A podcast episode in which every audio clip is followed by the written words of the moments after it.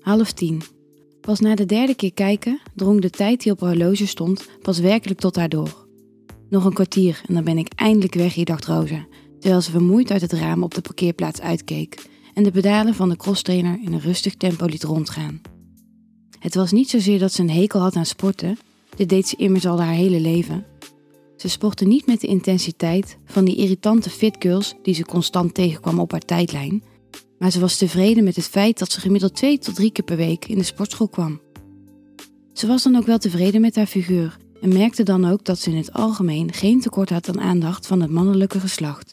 Maar ze merkte dat na haar dertigste levensjaar het toch allemaal wat meer moeite kostte om fit te blijven. En dat het niet meer zo vanzelf ging als vroeger. Rosa had zich dan ook dood geërgerd toen haar man vorige week opmerkte dat ze een buikje begon te krijgen. De hypocriet had zelf nog nooit een voet in de sportschool gezet en had enkel mazzel met het feit dat hij van zichzelf een goede bouw had. Maar van enige vorm van getraindheid was geen sprake. Uit protest was ze een week extra niet naar de sportschool gegaan en ging ze in de avonden dat ze normaal daar was, de hele avond lang uit op de bank liggen. Daarna kwam echter het besef dat ze hier alleen zichzelf mee te pakken had, omdat ze de beweging toch een fijne manier vond om te ontspannen op haar vrije avonden. Rosa werd uit haar dromige gedachtenstroom geholpen door een hand die plots in haar gezichtsveld zwaaide. Ze draaide zich om en keek in het glimlachende gezicht van de instructeur die net bij de sportschool was komen te werken. Ze besefte zich dat ze zijn naam was vergeten, ondanks dat hij kort geleden nog een schema had gemaakt. Het feit dat ze pas net was begonnen aan haar eigen schema had ze verzwegen toen hij haar had aangeboden om er een voor haar te maken. Dit was niet in de laatste plaats, omdat hij een zeer aangename afwisseling was voor het oog, vergeleken met de mannen die hier rondliepen. Het was een lange kerel van een jaar of 26, met kort zwart haar dat opzij gekamd was, met de daarvoor nodige hoeveelheid gel. Hij had een kort getrimde baard, die zijn strakke kaaklijn goed naar voren liet komen, en zijn afgetrainde lichaam had gelijk bij het binnenkomen al haar aandacht getrokken. Rosa merkte dat toen ze hem zag, ze het nog warmer kreeg en trok met een rood gezicht haar oordopjes uit, terwijl ze de crosstrainer tot stilstand bracht. Hé hey Rosa, is het allemaal nog gelukt met het schema wat ik had gemaakt? vroeg de instructeur opgewekt. Ik heb vorige week helaas geen tijd gehad, maar vandaag ging het prima, antwoordde Rosa. Top, ik hoor nog wel als je vragen hebt, zei hij terwijl hij nonchalant een knipoog gaf en richting de receptie liep. Terwijl Rosa zijn gespierde lichaam nogmaals in zich opnam, draaide hij zich plotseling om en voegde hij eraan toe: Het is trouwens bijna tien uur, dus ik moet alweer bijna de tent sluiten. Dan weet je dat. Rosa keek op de klok en besefte dat dit al over tien minuten was en haastte zich naar de kleedkamer. Gehaast trok ze met moeite haar sportkleding uit, die door het zweten aan haar huid leken te zijn vastgeplakt. Het was immers een warme zomeravond en in de kleine sportschool bleef het daarom meestal tot laat in de avond benauwd. Ze keek op haar horloge en zag dat ze nog maar vijf minuten had om te douchen en zich om te kleden. De kleedkamer lag helemaal achteraan in het gebouw en was volledig leeg. Dit was meestal het geval op dit tijdstip. Rosa draaide de douchekraan open en stond te wachten tot deze warm werd, toen er plotseling een gedachte bij haar binnenviel die plots alle andere gedachten verdrong en die haar adem liet stokken. Dit was het besef dat de enige twee personen in het gebouw, de instructeur en zij waren. Het idee dat er een man zou binnenkomen en haar naakt zou zien, zou haar normaal gesproken de stuip op het lijf hebben gejaagd. Maar ze betrapte zichzelf erop dat ze niet zeker wist of dit nu ook het geval zou zijn. Ze zag de instructeur in haar gedachten zelfverzekerd het lokaal inlopen, terwijl hij langzaam de knoopjes van zijn polo losknoopte, om deze vervolgens op de grond te gooien. Hij drukte haar stevig maar kalm tegen de muur en ze voelde zijn forse warme borst contact maken met de koude huid op haar rug. Op het moment dat hij zijn heup naar voren dreef en deze contact maakte met haar billen, liep er een rilling door haar lijf die haar wakker liet schrikken uit haar dagdroom. Het leek wel alsof ze het nu nog warmer had gekregen dan tijdens het sporten en ze voelde haar hoofd gloeien. Geschrokken keek ze de kleedkamer rond om te zien of er iemand was binnengekomen en haar had zien dagdromen naast de douche. Toen haar blik viel op de digitale klok die in de kleedkamer hing, schrok ze. Het was namelijk al enkele minuten voorbij tienen. Snel stapte ze onder de douche om haar haren nat te maken, zodat het niet vreemd zou zijn als de instructeur haar opeens zo laat met droge haren naar buiten zag lopen. Bang als ze was dat ze zou gaan blozen als een schoolmeisje, indien ze de instructeur zou zien bij het naar buiten lopen, liep ze gehaast richting de uitgang. Tot haar grote genoegen zag ze dat de instructeur op dat moment bezig was met het uitschakelen van de apparatuur aan de andere kant van de zaal en ze vertrok snel zonder iets te zeggen. Rosa gooide haar sporttas op de achterbank van haar auto en liet zich neerploffen op de stoel. Zuchtend keek ze uit de voorruit over de parkeerplaats uit, die volledig verlaten was, en het viel haar op dat een gevoel van vermoeidheid haar besloop. Dit was echter meer een mentale dan een fysieke vermoeidheid. De intensiteit van de begeerte in haar fantasie, die haar in de kleedkamer had overvallen, kwam steeds weer bovenborrelen en verdrong daarbij alle andere gedachten. Het was een tijd geleden dat ze zo opgewonden was, en het feit dat het over zoiets kleins was, verbaasde haar. De instructeur was dan ook wel een knappe kerel, maar het was toch alweer een tijd geleden dat ze dit gevoel had gehad. Plots besefte ze zich dat het al zeker een maand geleden moest zijn dat ze seks had gehad met Peter. In de verte zag ze de instructeur naar buiten komen en de deur van de sportschool afsluiten. Snel startte ze haar auto en reed ze naar huis, terwijl ze steeds opnieuw de opkomende gedachten probeerde te onderdrukken.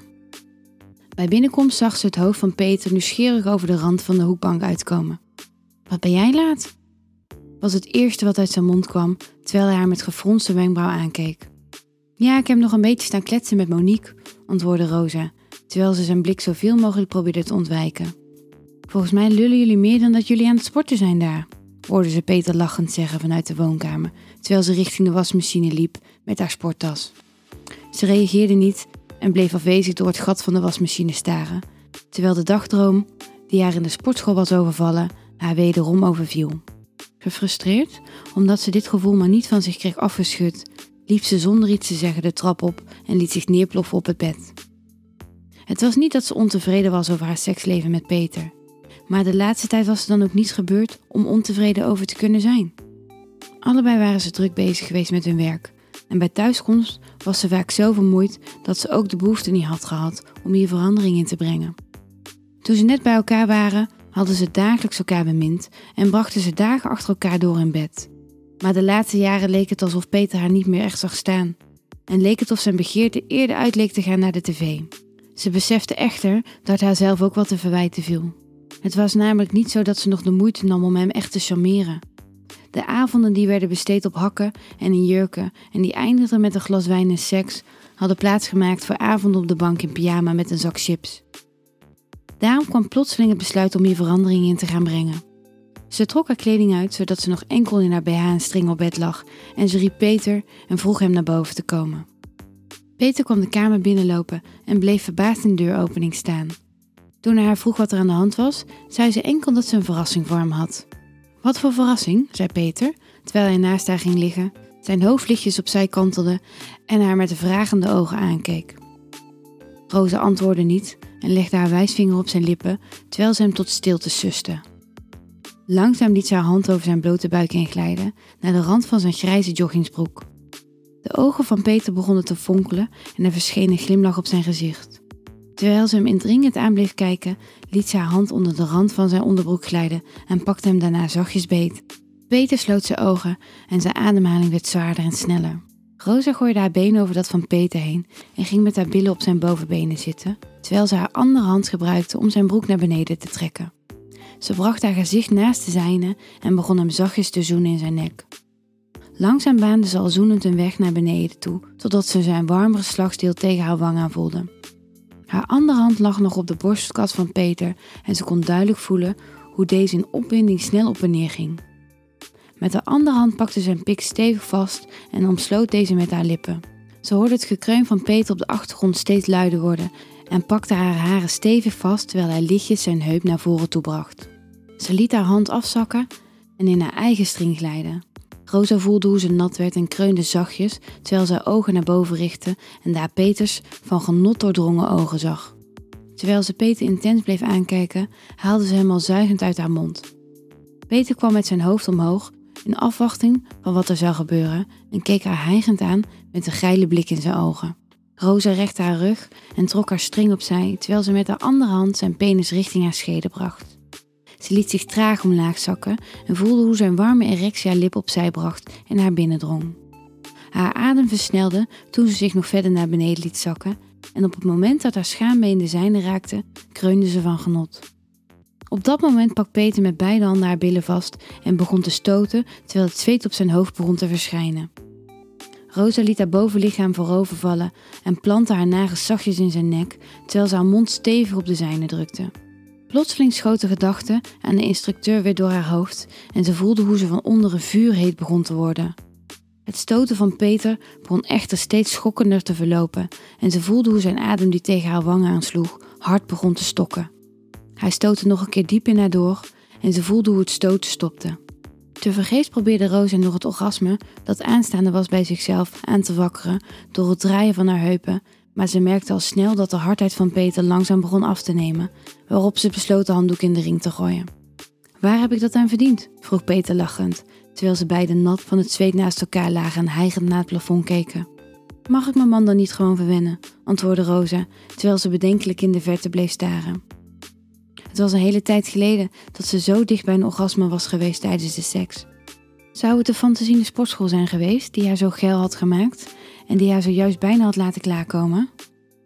Nu het beeld weer door haar hoofd begon te spoken, merkte ze dat de tinteling daar beneden nog niet over was. En het liefst was ze nog verder gegaan waar ze was gebleven.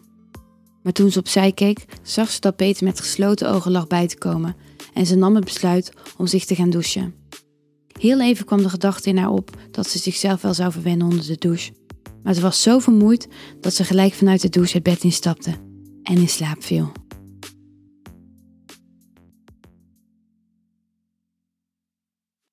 Wil jij nou meer spannende verhalen? Luister dan naar Charlie's Avonturen, een podcast van Easy Toys.